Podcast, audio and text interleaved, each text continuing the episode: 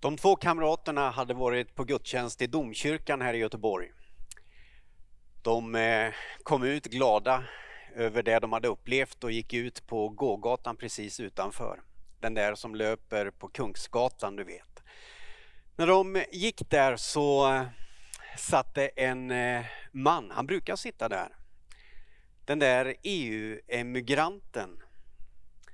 Han satt med sin lilla pappmugg kaffemugg och så skakade han i den som han brukar göra när John och Peter gick förbi.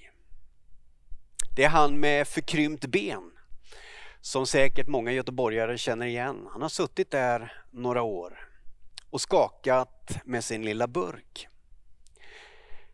När Peter och John närmade sig så stannade Peter helt plötsligt. Han hukade sig ner och han tittade mannen djupt i ögonen.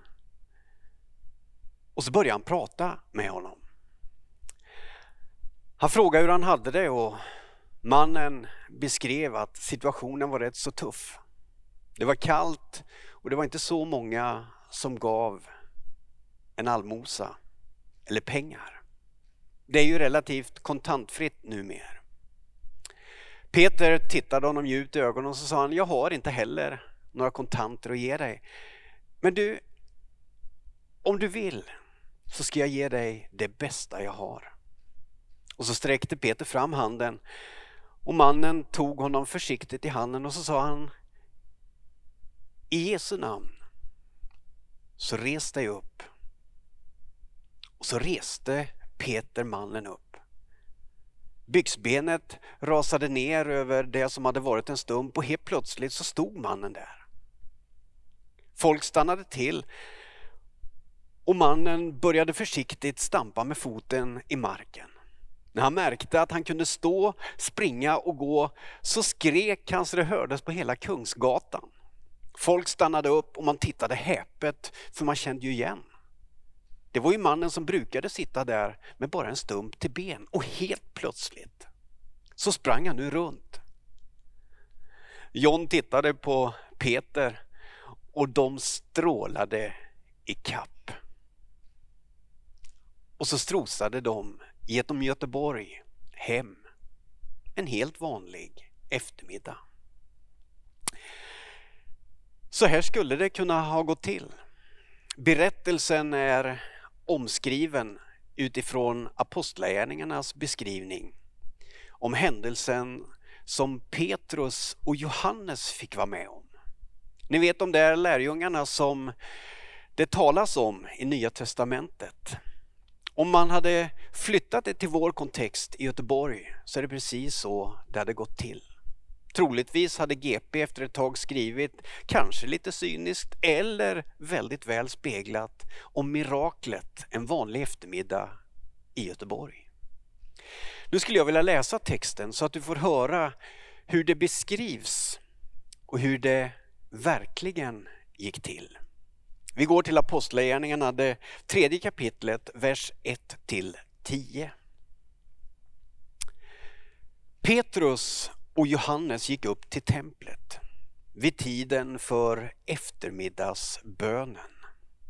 Då bars det dit en man som varit lam från födseln och som man varje dag brukade sätta vid en ingång kallad Sköna porten så att han kunde tigga av dem som besökte templet. När nu Petrus och Johannes på väg in bads om en allmosa, då fäste de blicken på honom och Petrus sa Se på oss.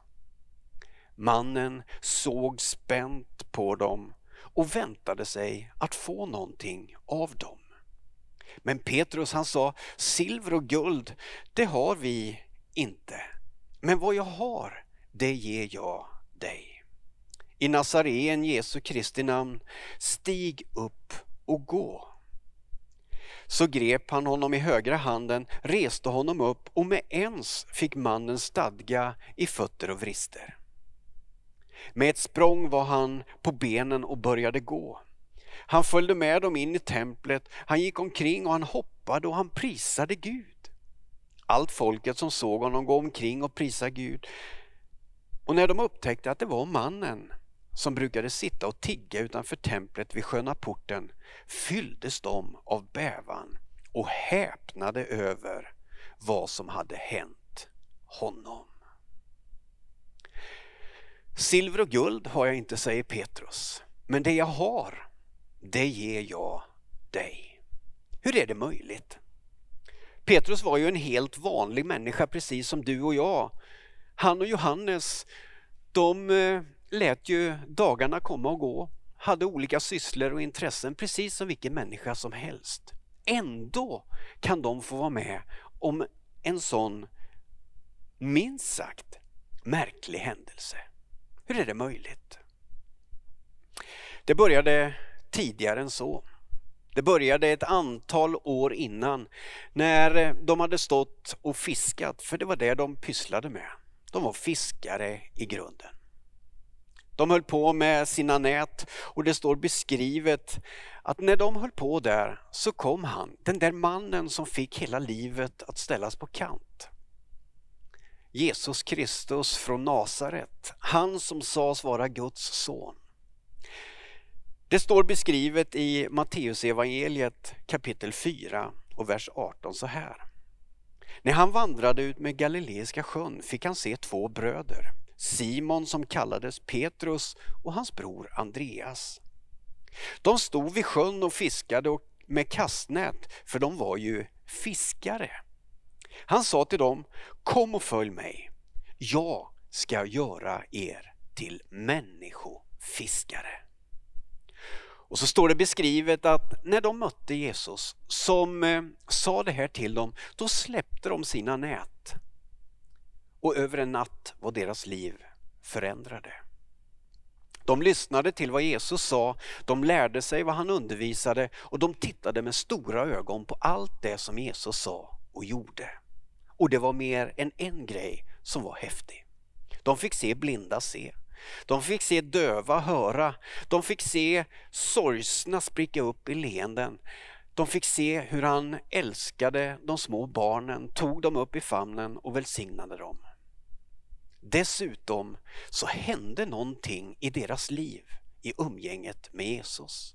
Hela tiden så sa Jesus, ni ska göra samma sak som jag gör, fast ännu större saker. För ni ska vara med och förändra världen. Det ni får av mig ska ni ge till andra. De sög på det där och jag tror inte de förstod riktigt vad det innebar, det är det som Jesus sa. Det var därför det blev så skakigt när Jesus började beskriva att han en gång ska lyftas upp till himlen. Först ska han dö, sen ska han uppstå, sen ska han lämna dem. Lärjungarna tittar nu på varandra och de tänker, hur ska det då gå med det där som Jesus hade sagt om oss?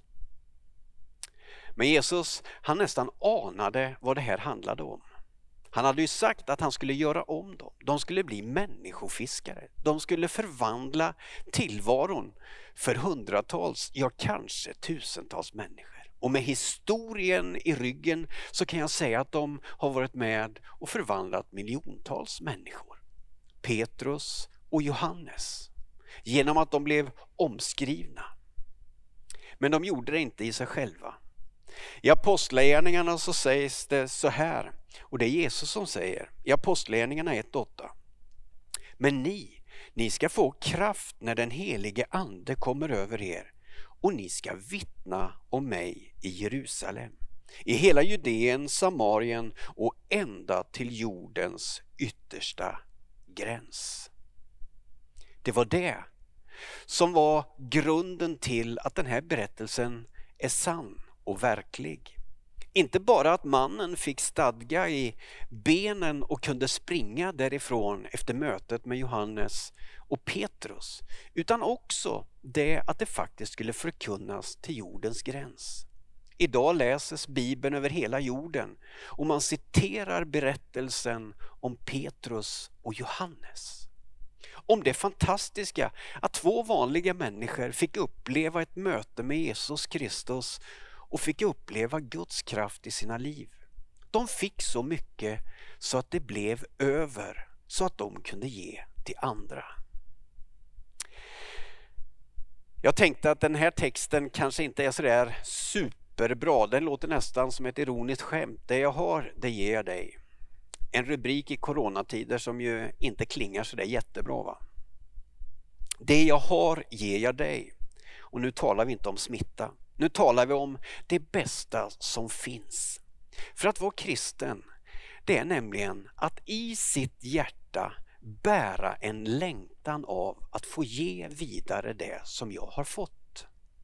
I en värld där eftersmaken så många gånger efter möte med en människa kan vara så bitter och besk och nedslående och sårande. Där skulle det göra enorm skillnad om några vågade ta Jesu ord på allvar. Be bönen om att bli fylld med helig ande och tro och kärlek så att man i sin tur kan ge något till den som behöver. Tänk om det kunde bli din bön idag, du som tittar eller lyssnar. Gud, använd mig. Fyll mig med din heliga Ande så att jag kan få någonting att ge som jag redan har. Det kan vara tid, det kan vara kärlek, det kan vara ett lyssnande hjärta, men det kan också vara kraft till förändring på riktigt. Kanske du skulle be för någon som behöver bli frisk. Kanske du skulle ändå titta med kärleksfulla ögon på den som ständigt slår ner blicken för att man är skygg och sårad och säga något varmt och uppmuntrande. Jag ska göra dig till människofiskare, säger Jesus.